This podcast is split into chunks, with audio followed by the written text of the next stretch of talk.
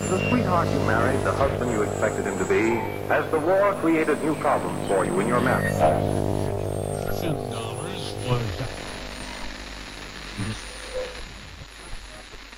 Ja, um, lukter det ikke litt sånn brent her? Altså, har du, har du mista røyken din, eller, Trond? Jeg tror det er noe galt med et av radiorørene. Bare vent litt. Skal vi se om vi får det til å funke her.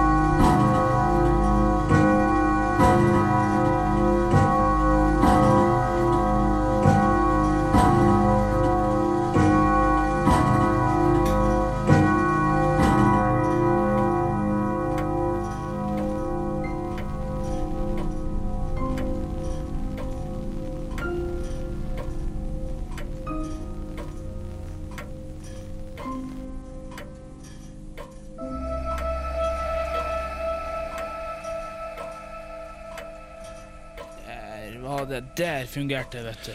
Nydelig, nydelig. Det er ikke enkelt med denne elektronikken som de driver på med. Nei, det er ikke det, altså. Men ja, vi har kanskje begynt, har vi ikke? Jo da, det har jo det. Så. Men vi kan jo snakke stygt om elektronikk allikevel. Ja, Vi kan jo forstå det. Jeg skjønner stemmer ikke, det. eh, er veldig greit, og det gjør jo at eh, vi nå er, er mulig for oss da å ta opp de her små samtalene vi har, og spre dem ut i eh, i hvert fall deler av Europa. Og noen ser jo òg helt bort til statene. Men, eh, Oi, oi, oi! ja, men du vet jo, det er nå de her ungfolkene de sier ja, så mye rart. Det er Sant det, altså. Sant det. Så ja, nei, vi må vel starte med å presentere oss. Jo. Eh, mitt navn er Trond Borgård, og eh, med meg i kveld så har jeg Hans Kvernsli, som alltid, omtrent. som alltid Det er vel faktisk bare én eneste gang du ikke har vært med det her året. Her, faktisk. Ja vel, faktisk. Det er jo Etter, det, det var den ene gangen det var, det var noen som forsvant. Skal du huske det? Det var en forsvinningssak. Jo. Ja, ja, ja da, ja. ja, Ja, det nei, det- det nei, da var jeg jo selvfølgelig opptatt med andre ting. Det er jo klart, det. Så Hans, hva skal vi ha om i dag? I dag skal vi jo ja, ha om skrekk og gru, og vi skal gå til en av de store kildene. Howard Phillips Lovecraft. HP Lovecraft blant venner og fan.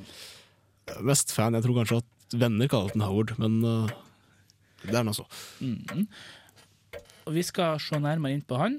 Og eh, vi skal vel òg høre noe stykker. Vi skal blant annet høre The White Ship. Ja, og så har jeg også hørt rykter om at du har klart å grave frem uh, en annen Lovecraft-novelle. Yes, The Music of Eric Sand. Det var jo hans personlige favoritt. Så, men eh, alt det her, det kommer etter det her.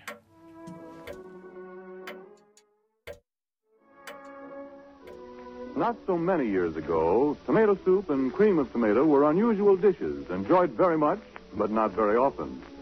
Today, of all the soups in the world, tomato soup is the one most often served. Not because women have taken to making tomato soup frequently. No, on the contrary, few housewives ever attempt it anymore. There's just one reason for tomato soup's popularity, and it is this the magic, matchless flavor of Campbell's tomato soup. There's a lively verve, a dashing zest about this flavor that people take to at once and come back to and enjoy again and again. The first racy taste of it has a way of arousing a desire to eat, and yet there's a pleasant feeling of satisfaction when the last spoonful is gone. So this soup is a happy choice for the main dish at lunchtime or at supper, and it also is a fine way to start the day's main meal. Serve it sometimes, too, as cream of tomato, made with milk instead of water. You can always be sure that it will be received with pleasure, because this, of all soups, is the one people like to have most often Campbell's tomato soup.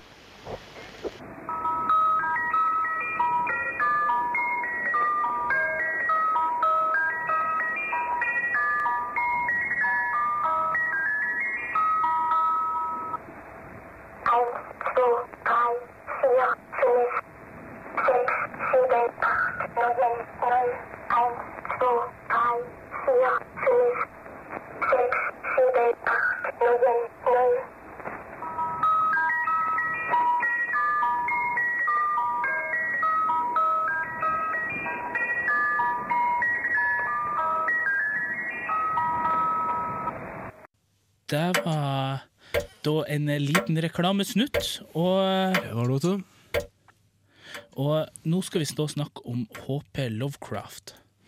Det stemmer. Uh, som jeg sa først her, Howard Phillips Lovecraft, som var full navnet hans. Kaller han bare HP Lovecraft allikevel. Mm, enklere. Enklere, ja. Uh, han har vi forstått snakka om før, men eh, vi kan jo nevne at han ble født i 1890 og strøyk med i 1937. Mhm. Nei, han ble ikke så forferdelig gammel, en mann. Nei, han var ikke det. Han uh, levde nok ikke veldig lenge, nei. Han var bare 47 år gammel. Og uh, han skrev forferdelig mye. Ja, han ble utrolig produktiv. Det meste, meste han skrev, er jo egentlig brev, da. For det er noe som er ja, vanlig Noe som folk vanligvis har eh, lært seg, at Lovecraft er eh, nesten asosial. Mm. Men uh, egentlig så hadde han mange venner. Han var litt sånn som bloggere er i dag. Sendte brev overalt. Så omtrent 100 000 brev skrev han i løpet av sitt uh, liv. Hadde han levd et århundre senere, så ville jeg vært eh, sånn Blogger. type blogger, for eksempel. Apekatt som sitter og blogger. Ja. Omtrent. Men eh, han begynte å skrive tidlig, men han fikk ikke utgitt noe før han var ganske voksen, egentlig. Eh, første teksten han fikk utgitt, var The Tomb. Mhm. Den har vi spilt eh, tidligere her året, så det kan du gå tilbake og så sjekke opp på det her som de kaller for podkast. Ja, det er De regner med at de litt mer teknisk anlagte klarer å få til det. Vi må spørre til teknikeren. Vi må spørre etter teknikeren. Han, eh, Lovecraft han var jo veldig opptatt av eh, mange tema, for så vidt. Han var veldig gammeldags. Eh, Ja, han, han var det. Men på den annen side også veldig moderne. ja. Så han var litt sånn selvmotsigende, på en måte. Ja. I meninga sånt var han jo til dels moderne, til dels veldig gammeldags. Mm. Men det var jo sånn eksempelvis i klesstil og måten han Ja. skrev på. Ja, han, noe som er veldig viktig å påpeke her, er at han var fra en veldig velstående familie. Mm. Kom fra en veldig velstående familie, egentlig. Eh, så gikk faren konkurs, og så gikk familien til helvete, og så har bare Lovecraft ikke klart å legge det bak seg. så han var en gentleman. Han var en gentleman. Han var en gentleman, gentleman til han døde, og det vises, kan man vel si. Mm. Men det er jo noe som mange tar feil i, i tekstene hans, og sånn at de, de, de hører på det og så tenker de, ja, sånn var det på 19 1900-tallet, tidlig 1900-tall, men i realiteten, hvis man skulle sammenligne selve tekstene hans, altså måten han skriver på, Så må du i hvert fall 60 år tilbake. ja, enda lenger, så han var en mann som var født et århundre, et halvt århundre for sent Ja, egentlig. for sin egen stil, så han var jo på en måte spesiell på Mm. sida av levetid. Men uh, temaet hans er jo også langt forut for sin levetid. Ja. Altså, det tok lang tid før noen tok opp de samme elementene med samme styrke som han gjorde. Mm. Og det var det med tung inspirasjon fra Lovecraft at de gjorde det. Mm. Og han var jo en eh, Hva man kalle det? Han har jo en del nyskaping. Ja, det kan du si, samtidig som at det er egentlig bare en gjenbruk av gamle, men ikke så veldig kjente teknikker og temaer. Mm.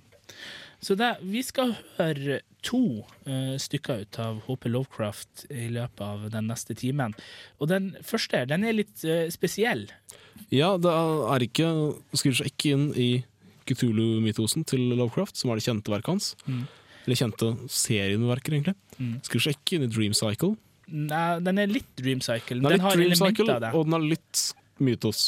Litt mytos. Men det er noe sånn, så skriver den ikke inn i den makabre perioden hans heller. Så den er sjølstående, og den er kanskje litt uvanlig for HP Lovecraft, og, øh, men det er ei øh, spennende uh, lita fortelling, som da heter The White Ship. Og jeg tenker vi kan vel egentlig bare gå i gang og så spille den med en gang. Det kan vi. The White Ship by H.P. Lovecraft.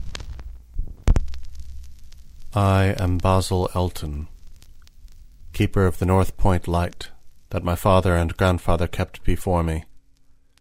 Far from the shore stands the grey lighthouse, above sunken slimy rocks that are seen when the tide is low, but unseen when the tide is high. Past that beacon for a century have swept the majestic barks of the seven seas. In the days of my grandfather there were many. In the days of my father, not so many. And now there are so few that I sometimes feel strangely alone, as though I were the last man on our planet. From far shores came those white-sailed argosies of old, from far eastern shores where warm suns shine and sweet odors linger about strange gardens and gay temples. The old captains of the sea came often to my grandfather, and told him of these things which in turn he told to my father, and my father told to me, in the long autumn evenings when the wind howled eerily from the east. And I have read more of these things and of many things besides, in the books men gave me when I was young and filled with wonder. But more wonderful than the lore of old men and the lore of books is the secret lore of ocean. Blue, green, grey, white, or black, smooth, ruffled, or mountainous, that ocean is not silent. All my days have I watched it and listened to it, and I know it well. At first it told to me only the plain little tales of calm beaches and near ports, but with the years it grew more friendly and spoke of other things, of things more strange and more distant in time and space. Sometimes at twilight the grey vapours of the horizon have parted to grant me glimpses of the ways beyond, and sometimes at night the deep waters of the sea have grown clear and phosphorescent to grant me glimpses of the ways beneath. And these glimpses have been as often of the ways that were and the ways that might be as of the ways that are. For ocean is more ancient than the mountains and freighted with the memories and the dreams of time. Out of the south it was that the white ship used to come when the moon was full and high in the heavens. Out of the south it would glide very smoothly and silently over the sea.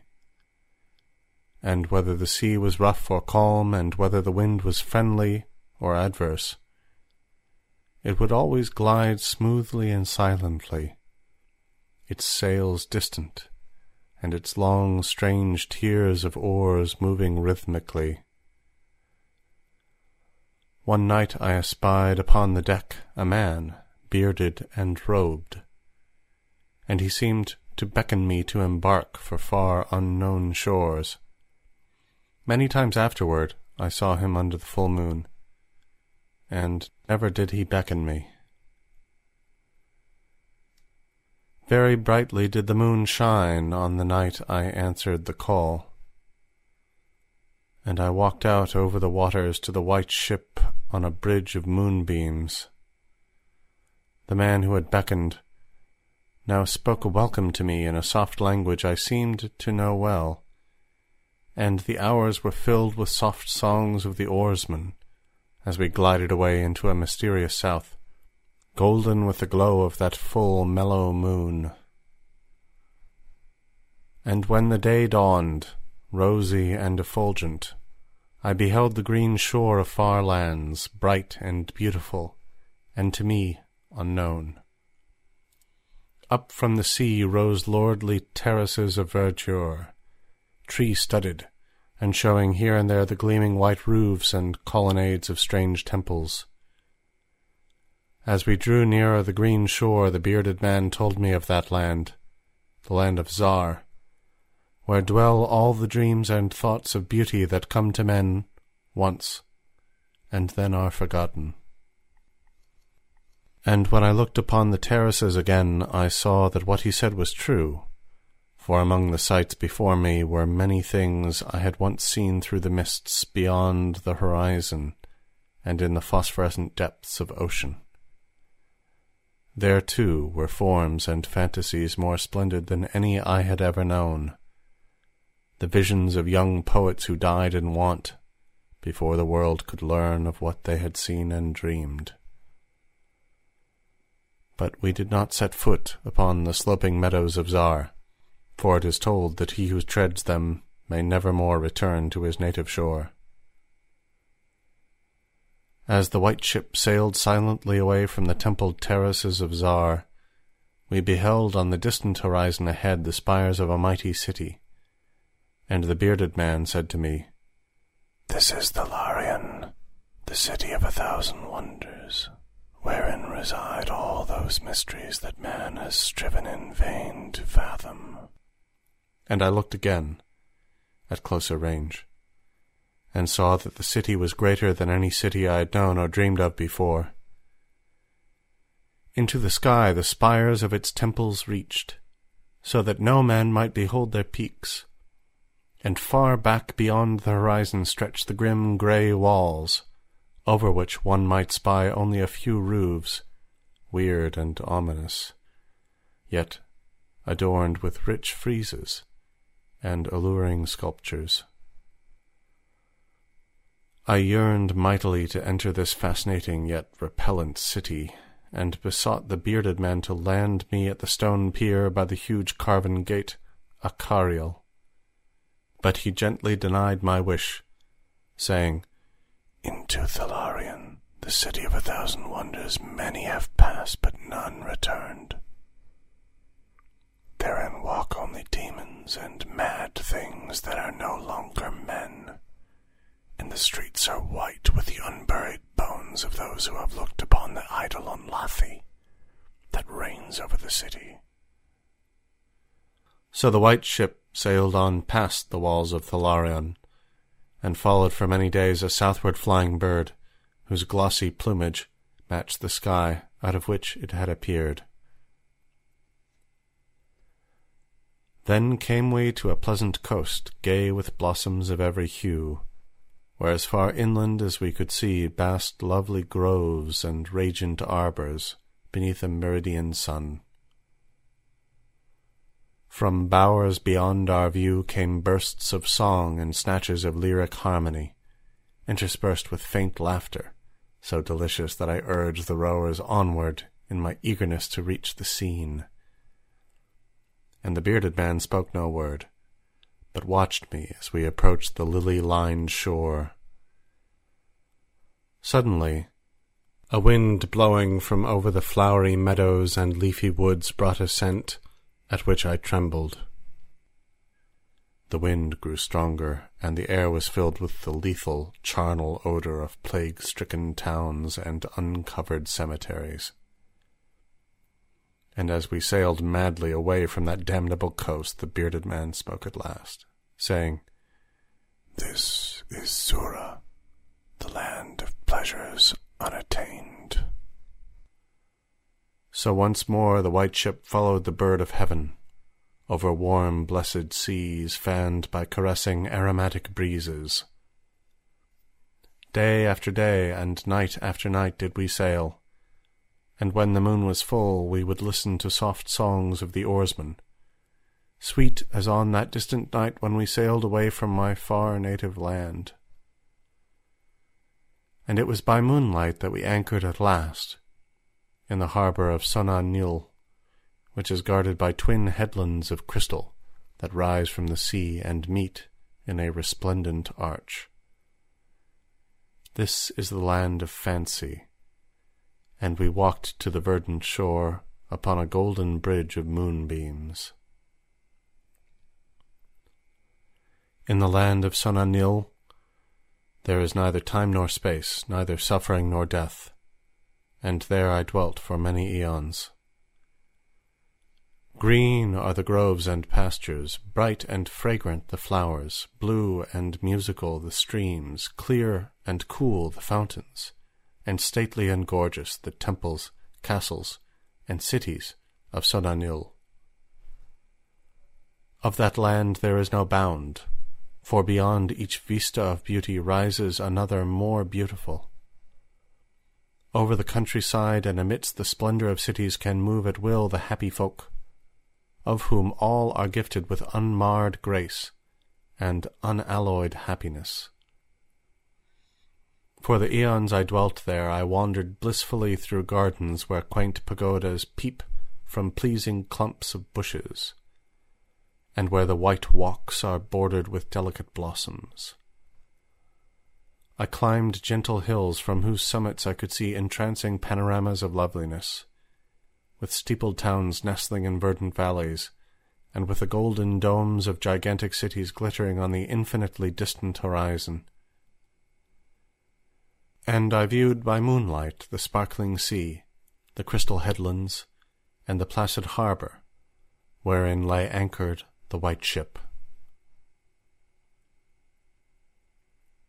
It was against the full moon one night in the immemorial year of Tharp that I saw outlined the beckoning form of the celestial bird, and felt the first stirrings of unrest. Then I spoke with the bearded man, and told him of my new yearnings to depart for remote Cathuria, which no man hath seen, but which all believe to lie beyond the basalt pillars of the west. It is the land of hope, and in it shine the perfect ideals of all that we know elsewhere, or at least so men relate. But the bearded man said to me, Beware of those perilous seas wherein men say Cathuria lies. In Sona Nyl there is no pain or death, but who can tell what lies beyond the basalt pillars of the west? Nevertheless, at the next full moon I boarded the white ship, and with the reluctant bearded man left the happy harbour for untravelled seas. And the bird of heaven flew before, and led us toward the basalt pillars of the west. But this time the oarsmen sang no soft songs under the full moon. In my mind I would often picture the unknown land of Cathuria with its splendid groves and palaces, and would wonder what new delights there awaited me. Cathuria, I would say to myself, is the abode of gods and the land of unnumbered cities of gold. Its forests are of aloe and sandalwood, even as the fragrant groves of Camorin, and among the trees flutter gay birds sweet with song. On the green and flowery mountains of Cathuria stand temples of pink marble, rich with carven and painted glories, and having in their courtyards cool fountains of silver, where purr with ravishing music the scented waters that come from the grotto-born river Narg. And the cities of Cathuria are cinctured with golden walls, and their pavements also are of gold. In the gardens of these cities are strange orchids, and perfumed lakes whose beds are of coral and amber. At night the streets and the gardens are lit with grey lanterns, fashioned from the three-coloured shell of the tortoise, and here resound the soft notes of the singer and the lutenist. And the houses of the cities of Cathuria are all palaces, each built over a fragrant canal bearing the waters of the sacred Narg. Of marble and porphyry are the houses, and roofed with glittering gold that reflects the rays of the sun and enhances the splendor of the cities as blissful gods view them from the distant peaks. Fairest of all is the palace of the great monarch Dorib, whom some say to be a demigod and others a god. High is the palace of Dorib, and many are the turrets of marble upon its walls. In its wide halls many multitudes assemble, and here hang the trophies of the ages. And the roof is of pure gold, set upon tall pillars of ruby and azure, and having such carven figures of gods and heroes that he who looks up to those heights seems to gaze upon the living Olympus. And the floor of the palace is of glass, under which flow the cunningly lighted waters of the Narg, gay with gaudy fish not known beyond the bounds of lovely Cathuria. Thus would I speak to myself of Cathuria, but ever would the bearded man warn me to turn back to the happy shore of Sona Nyl, for Sona Nyl is known of men, while none hath ever beheld Cathuria. And on the thirty first day that we followed the bird, we beheld the basalt pillars of the west. Shrouded in mist they were, so that no man might peer beyond them or see their summits, which indeed some say reach even to the heavens. And the bearded man again implored me to turn back, but I heeded him not. For from the mists beyond the basalt pillars I fancied there came the notes of singers and lutenists, sweeter than the sweetest songs of Sona Nyl, and sounding mine own praises, the praises of me who had voyaged far from the full moon and dwelt in the land of fancy. So to the sound of melody the white ship sailed into the mist betwixt the basalt pillars of the west. And when the music ceased, and the mist lifted, we beheld not the land of Cathuria, but a swift rushing restless sea, over which our helpless bark was borne toward some unknown goal. Soon to our ears came the distant thunder of falling waters, and to our eyes appeared on the far horizon ahead the titanic spray of a monstrous cataract, wherein the oceans of the world drop down to abysmal nothingness. Then did the bearded man say to me, with tears on his cheek, We have rejected the beautiful land of Sona Nyl, which we may never behold again. The gods are greater than men, and they have conquered. And I closed my eyes before the crash that I knew would come, shutting out the sight of the celestial bird which flapped its mocking blue wings over the brink of the torrent. Out of that crash came darkness, and I heard the shrieking of men and of things which were not men. From the east tempestuous winds arose and chilled me as I crouched on the slab of damp stone which had risen beneath my feet. Then as I heard another crash, I opened my eyes, and beheld myself upon the platform of that lighthouse whence I had sailed so many eons ago. In the darkness below there loomed the vast blurred outlines of a vessel breaking up on the cruel rocks. And as I glanced out over the waste, I saw that the light had failed for the first time since my grandfather had assumed its care. And in the later watches of the night, when I went within the tower, I saw on the wall a calendar which still remained as when I had left it in the hour I sailed away. With the dawn I descended the tower and looked for wreckage upon the rocks. But what I found was only this a strange dead bird whose hue was as of the azure sky and a single shattered spar of a whiteness greater than that of the wave tips or of the mountain snow. And thereafter the ocean told me its secrets no more. And though many times since has the moon shone full and high in the heavens, the white ship from the south never came again.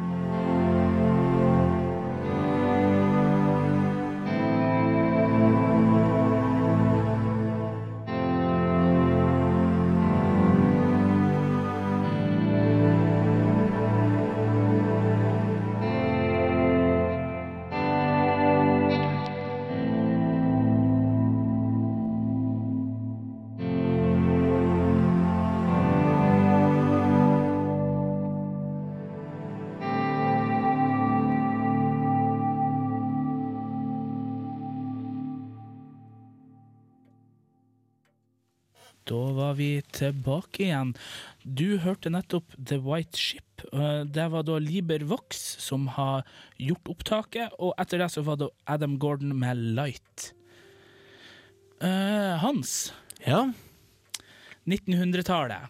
Det var en periode da det var stor utvikling eh, når det gjelder sånn her teknisk eh, forskning og sånt. Det var mye som, mye som var i forandring med hvordan man så verden, hvordan ting funka, oppfinnelser, alt mulig sånt. Og det, det passa ikke så veldig godt for vår hovedmann.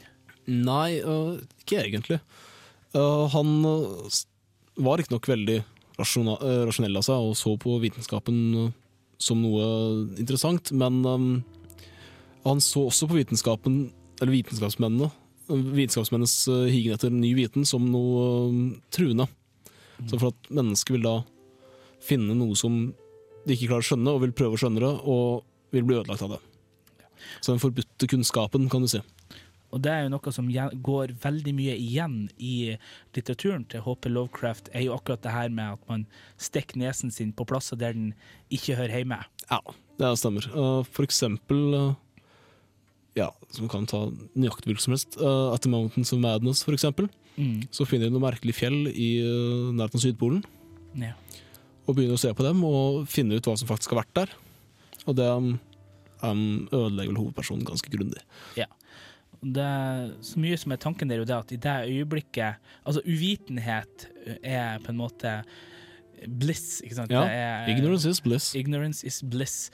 Og i det øyeblikket man klarer å finne ut for mye om hvor på en måte ubetydelig mennesket er, og hvor på en måte livsfarlig verden rundt er, Mm. så blir man stort sett gæren i HP Lovecraft sin litteratur. Ja, i beste fall. Ja, eller så dør man. Ja, eventuelt det. Så, Ja, så det er mye av dette som handler om å nei, si, kjenne sitt sted i, uh, i verden, da. mm. Og det går jo veldig utover forskere. For at mange av hovedfigurene til Lovecraft er jo forskere, leger, andre på en måte høyt Ja, utdanna Herbert. West var jo lærer. Uh, I klær, men, forsker. Mm. Og, og de har jo da altså, historikk med det at de skulle undersøke, de skulle på en måte drive med forskning, og eh, sånn at dermed så er jo de ofte ofrene for det her, fordi at det er, ligger i deres natur å drive og undersøke. Og ergo så får de seg en smekk over nevene når de da Mm. oppdager Men det må sies at de gale i Lovecraft sin verden, til forskjell fra en del andre grupper, faktisk nesten har sett på som noe positivt. Mm. Fordi de ikke blir mer gale av det. Men det med å kjenne sitt, sin sted i verden er noe som ble reflektert i, i hvordan Lovecraft ser verden. Mm. Så Lovecraft var jo en gentleman, som vi har nevnt før. Og han var en rasist. Han var en rasist. Det stemmer. Han var rasist i aller høyeste grad. Men han så for eksempel på, um, på uh, de handlingene som ble gjort mot jødene på 30-tallet som noe virkelig gruelig og irrasjonelt. Mm. Egentlig noe gruelig irrasjonelt nå. Så, men det var jo tydelig at han ikke s- for så på negre som ikke er likeverdige som hvite. Nå men kan jo sies det at det passer jo veldig godt overens med den tida, så han var ikke han var ikke forut for sin tid, han var ikke spesielt etter sin tid når det gjaldt eh, Ja, menneskerettigheter og sånt. Nei, kanskje litt etter, men ikke noe, ikke noe mye. Nei. Og det gjorde jo blant annet at han kalte katten i en av eh, historiene sine for Niggerman. For eksempel. Eller alle negere er beskrevet som store og stygge. Så, men den eh, tingen vi skal høre nå, er, det er for så vidt òg laga av Libervox, så det er mm. veldig greit å få sagt med en gang. Det er Music of Erik Sand. Ja, det er jo en, egentlig et verk som beskrevet ganske Ikke blitt beskrevet, men som har inspirert mange musikere. Mm. Så for eksempel bandet Arkham Witch, Septic Flesh uh, eller Formatadre. Og det er, uh, ja, det er en koselig liten sak. Og det som er stilig med den, er jo det at eh, det er noe et av de verkene som Lovecraft syns var best ut av han sjøl laga. Det stemmer. Så det er kult. Men vi skal ikke uh, stå videre på det, vi skal bare starte. Her kommer uh, Music of Erik Sand. The Music of Eric Zahn by H.P. Lovecraft. I have examined maps of the city with the greatest care, yet have never again found the Rue d'Orsay. These maps have not been modern maps alone, for I know that names change. I have, on the contrary, delved deeply into all the antiquities of the place, and have personally explored every region of whatever name which could possibly answer to the street I knew as the Rue d'Auseil. But despite all I have done, it remains an humiliating fact that I cannot find the house, the street, or even the locality where during the last months of my impoverished life as a student of metaphysics at the university, I heard the music of Erich Zann.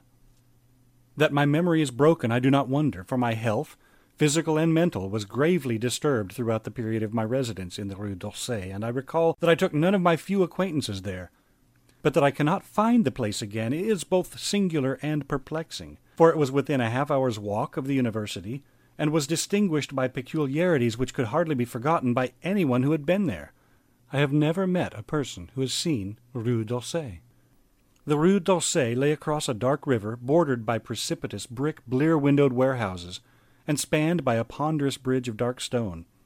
It was always shadowy along that river, as if the smoke of neighboring factories shut out the sun perpetually. The river was also odorous with evil stenches which I have never smelled elsewhere, and which may some day help me to find it, since I should recognize them at once. Beyond the bridge were narrow, cobbled streets with rails, and then came the ascent, at first gradual but incredibly steep as the Rue d'Auseil was reached. I have never seen another street as narrow and steep as the Rue d'Auseil. It was almost a cliff, closed to all vehicles, consisting in several places of flights of steps, and ending at the top in a lofty ivied wall. Its paving was irregular, sometimes stone slabs, sometimes cobblestones, and sometimes bare earth with struggling greenish-gray vegetation. The houses were tall, peaked roofed, incredibly old, and crazily leaning backward, forward, and sideways. Occasionally an opposite pair, both leaning forward, almost met across the street like an arch, and certainly they kept most of the light from the ground below. There were a few overhead bridges from house to house across the street. The inhabitants of that street impressed me peculiarly. At first I thought it was because they were all silent and reticent, but later I decided it was because they were all very old. I do not know how I came to live on such a street, but I was not myself when I moved there. I had been living in many poor places, always evicted for want of money, until at last I came upon that tottering house in the Rue d'Auseil kept by the paralytic Blandot. It was the third house from the top of the street, and by far the tallest of them all. My room was on the fifth story, the only inhabited room there since the house was almost empty. On the night I arrived, I heard strange music from the peaked garret overhead, and the next day asked old Blandot about it. He told me it was an old German viol player, a strange dumb man who signed his name as Erich Zann, and who played evenings in a cheap theatre orchestra, adding that Zann's desire to play in the night after his return from the theatre was the reason he had chosen this lofty and isolated garret room whose single gable window was the only point on the street from which one could look over the terminating wall at the declivity and panorama beyond. Thereafter I heard Zann every night, and although he kept me awake, I was haunted by the weirdness of his music. Knowing little of the art myself, I was yet certain that none of his harmonies had any relation to music I had heard before, and concluded that he was a composer of highly original genius. The longer I listened, the more I was fascinated, until after a week I resolved to make the old man's acquaintance. One night, as he was returning from his work, I intercepted Zann in the hallway and told him that I would like to know him and be with him when he played. He was a small, lean, bent person with shabby clothes, blue eyes, grotesque, satyr-like face, and nearly bald head, and at my first words seemed both angered and frightened. My obvious friendliness, however, finally melted him, and he grudgingly motioned for me to follow him up the dark, creaking, and rickety attic stairs. His room, one of only two in the steeply pitched garret, was on the west side, toward the high wall that formed the upper end of the street. Its size was very great, and seemed the greater because of its extraordinary barrenness and neglect. Of furniture there was only a narrow iron bedstead, a dingy washstand, a small table, a large bookcase, an iron music rack, and three old-fashioned chairs. Sheets of music were piled in disorder about the floor. The walls were of bare boards and had probably never known plaster, whilst the abundance of dust and cobwebs made the place seem more deserted than inhabited. Evidently Erich Zann's world of beauty lay in some far cosmos of the imagination. Motioning me to sit down, the dumb man closed the door, turned the large wooden bolt, and lighted a candle to augment the one he had brought with him. He now removed his viol from its moth eaten covering, and taking it, seated himself in the least uncomfortable of the chairs. He did not employ the music rack, but, offering no choice, and playing from memory, enchanted me for over an hour with strains I had never heard before, strains which must have been of his own devising. To describe their exact nature is impossible for one unversed in music. They were a kind of fugue, with recurrent passages of the most captivating quality, but to me were notable for the absence of any of the weird notes I had overheard from my room below on other occasions. Those haunting notes I had remembered, and had often hummed and whistled inaccurately to myself, so when the player at length laid down his bow, I asked him if he would render some of them. As I began my request, the wrinkled, satyr-like face lost the bored placidity it had possessed during the playing, and seemed to show the same curious mixture of anger and fright which I had noticed when first I accosted the old man. For a moment I was inclined to use persuasion, regarding rather lightly the whims of senility, and even tried to awaken my host's weirder mood by whistling a few of the strains to which I had listened the night before. But I did not pursue this course for more than a moment, for when the dumb musician recognized the whistled air, his face grew suddenly distorted with an expression wholly beyond analysis, and his long, cold, bony right hand reached out to stop my mouth and silence the crude imitation. As he did this, he further demonstrated his eccentricity by casting a startled glance toward the lone, curtained window, as if fearful of some intruder, a glance doubly absurd since the garret stood high and inaccessible above all the adjacent roofs, this window being the only point on the steep street as the concierge had told me, from which one could see over the wall at the summit. The old man's glance brought Blandot's remark to my mind, and with a certain capriciousness I felt a wish to look out over the wide and dizzying panorama of moonlit roofs and city lights beyond the hilltop, which of all the dwellers in the Rue d'Auseil only this crabbed musician could see. I moved toward the window and would have drawn aside the nondescript curtains, when with a frightened rage even greater than before the dumb lodger was upon me again, this time motioning with his head toward the door as he nervously strove to drag me thither with both hands. Now, thoroughly disgusted with my host, I ordered him to release me, and told him I would go at once. His clutch relaxed, and as he saw my disgust and offense, his own anger seemed to subside. He tightened his relaxing grip, but this time in a friendly manner, forcing me into a chair. Then, with an appearance of wistfulness, crossing to the littered table where he wrote many words with a pencil, in the labored French of a foreigner. Zann said that he was old, lonely, and afflicted with strange fears and nervous disorders connected with his music and with other things. He had enjoyed my listening to his music, and wished I would come again and not mind his eccentricities, but he could not play to another his weird harmonies, and could not bear hearing them from another, nor could he bear having anything in his room touched by another. He had not known until our hallway conversation that I could overhear his playing in my room, and now asked me if I would arrange with Blandot to take a lower room where I could not hear him in the night. He would, he wrote, defray the difference in rent. As I sat deciphering the execrable French, I felt more lenient toward the old man. He was a victim of physical and nervous suffering, as was I, and my metaphysical studies had taught me kindness. In the silence there came a slight sound from the window. The shutter must have rattled in the night wind, and for some reason I started almost as violently as did Erich Zann. So when I had finished reading, I shook my host by the hand and departed as a friend. The next day, Blandot gave me a more expensive room on the third floor, between the apartments of an aged moneylender and the room of a respectable upholsterer.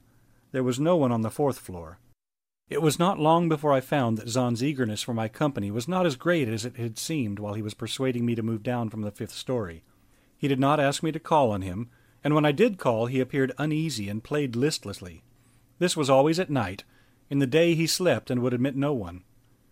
My liking for him did not grow, though the attic room and the weird music seemed to hold an odd fascination for me.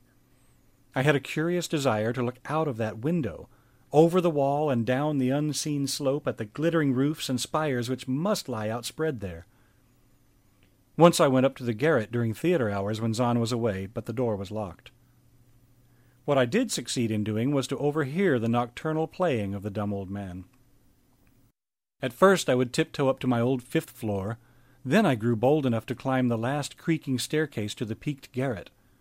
There, in the narrow hall, outside the bolted door with the covered keyhole, I often heard sounds which filled me with an indefinable dread, the dread of vague wonder and brooding mystery. It was not that the sounds were hideous, for they were not, but that they held vibrations suggesting nothing on this globe of earth, and that at certain intervals they assumed a symphonic quality which I could hardly conceive as produced by one player. Certainly, Erich Zann was a genius of wild power. As the weeks passed, the playing grew wilder, whilst the old musician acquired an increasing haggardness and furtiveness pitiful to behold. He now refused to admit me at any time, and shunned me whenever we met on the stairs. Then, one night, as I listened at the door, I heard the shrieking viol swell into a chaotic babble of sound, a pandemonium which would have led me to doubt my own shaking sanity had there not come from behind that barred portal a piteous proof that the horror was real, the awful, inarticulate cry which only a mute can utter, and which rises only in moments of the most terrible fear or anguish. I knocked repeatedly at the door, but received no response. Afterward, I waited in the black hallway, shivering with cold and fear, till I heard the poor musician's feeble effort to rise from the floor by the aid of a chair. Believing him just conscious after a fainting fit, I renewed my rapping, at the same time calling out my name reassuringly. I heard Zann stumble to the window and close both shutter and sash, then stumble to the door, which he falteringly unfastened to admit me. This time his delight at having me present was real, for his distorted face gleamed with relief while he clutched at my coat as a child clutches at its mother's skirts. Shaking pathetically, the old man forced me into a chair whilst he sank into another, beside which his viol and bow lay carelessly on the floor. He sat for some time inactive, nodding oddly, but having a paradoxical suggestion of intense and frightened listening. Subsequently he seemed to be satisfied, and crossing to a chair by the table wrote a brief note, handed it to me, and returned to the table where he began to write rapidly and incessantly. The note implored me, in the name of mercy and for the sake of my own curiosity, to wait where I was while he prepared a full account in German of all the marvels and terrors which beset him. I waited, and the dumb man's pencil flew. It was perhaps an hour later, while I still waited, and while the old musician's feverishly written sheets still continued to pile up, that I saw Zann start as from the hint of a horrible shock. Unmistakably, he was looking at the curtained window and listening shudderingly. Then I half fancied I heard a sound myself, though it was not a horrible sound, but rather an exquisitely low and infinitely distant musical note, suggesting a player in one of the neighboring houses, or in some abode beyond the lofty wall over which I had never been able to look. Upon Zann the effect was terrible, for dropping his pencil, suddenly he rose, seized his viol, and commenced to rend the night with the wildest playing I had ever heard from his bow save when listening at the barred door. It would be useless to describe the playing of Erich Zann on that dreadful night. It was more horrible than anything I had ever overheard, because I could now see the expression of his face, and I could realize that this time the motive was stark fear. He was trying to make a noise, to ward something off or drown something out, what I could not imagine, awesome though I felt it must be. The playing grew fantastic, Danish, and hysterical, yet kept to the last the qualities of supreme genius which I knew this strange old man possessed. I recognized the air. It was a wild Hungarian dance popular in the theaters, and I reflected for a moment that this was the first time I had ever heard Zann play the work of another composer. Louder and louder, wilder and wilder mounted the shrieking and whining of that desperate viol. The player was dripping with an uncanny perspiration, and twisted like a monkey, always looking frantically at the curtained window.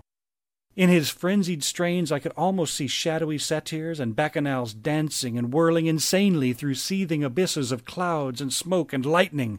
And then I thought I heard a shriller, steadier note that was not from the viol. A calm, deliberate, purposeful mocking note from far away in the west. At this juncture, the shutter began to rattle in a howling night wind which had sprung up outside as if in answer to the mad playing within. Zann's screaming viol now outdid itself, emitting sounds I had never thought a viol could emit. The shutter rattled more loudly, unfastened, and commenced slamming against the window. Then the glass broke shiveringly under the persistent impacts, and the chill wind rushed in, making the candles sputter and rustling the sheets of paper on the table where Zann had begun to write out his horrible secret. I looked at Zann and saw that he was past conscious observation. His blue eyes were bulging, glassy and sightless, and the frantic playing had become a blind, mechanical, unrecognizable orgy that no pen could even suggest. A sudden gust, stronger than the others, caught up the manuscript and bore it toward the window. I followed the flying sheets in desperation, but they were gone before I reached the demolished panes. Then I remembered my old wish to gaze from this window, the only window in the Rue d'Auseil from which one might see the slope beyond the wall, and the city outspread beneath. It was very dark, but the city's lights always burned, and I expected to see them there amidst the rain and the wind. Yet when I looked from that highest of all gabled windows, looked while the candles sputtered and the insane viol howled with the night wind, I saw no city spread below, and no friendly lights gleamed from remembered streets, but only the blackness of space illimitable, unimagined space alive with motion and music, and having no semblance of anything on earth. And as I stood there, looking in terror, the wind blew out both candles in that ancient peaked garret, leaving me in savage and impenetrable darkness, with chaos and pandemonium before me, and the demon madness of that night baying viol behind me. I staggered back in the dark, without the means of striking a light, crashing against the table, overturning a chair, and finally groping my way to the place where the blackness screamed with shocking music. To save myself and Erich Zann, I could at least try, whatever the powers opposed to me. Once I thought some chill thing brushed me, and I screamed, but my scream could not be heard above that hideous viol. Suddenly, out of the blackness, the madly sawing bow struck me, and I knew I was close to the player. I felt ahead, touched the back of Zann's chair, and then found and shook his shoulder in an effort to bring him to his senses. He did not respond, and still the viol shrieked on without slackening. I moved my hand to his head, whose mechanical nodding I was able to stop, and shouted in his ear that we must both flee from the unknown things of the night. But he neither answered me nor abated the frenzy of his unutterable music, while all through the garret strange currents of wind seemed to dance in the darkness and babble. When my hand touched his ear, I shuddered, though I knew not why, knew not why till I felt the still face, the ice cold, stiffened, unbreathing face whose glassy eyes bulged uselessly into the void. And then, by some miracle, finding the door and the large wooden bolt, I plunged wildly away from that glassy eyed thing in the dark, and from the ghoulish howling of that accursed viol whose fury increased even as I plunged leaping, floating, flying down those endless stairs through the dark house, racing mindlessly out into the narrow, steep, and ancient street of steps and tottering houses, clattering down steps and over cobbles to the lower streets and the putrid, canyon walled river, panting across the great dark bridge to the broader, healthier streets and boulevards we know. All these are terrible impressions that linger with me, and I recall that there was no wind, and that the moon was out, and that all the lights of the city twinkled. Despite my most careful searches and investigations, I have never since been able to find the Rue d'Auseil. But I'm not wholly sorry, either for this or for the loss in undreamable abysses of the closely written sheets which alone could have explained the music of Erich Zann.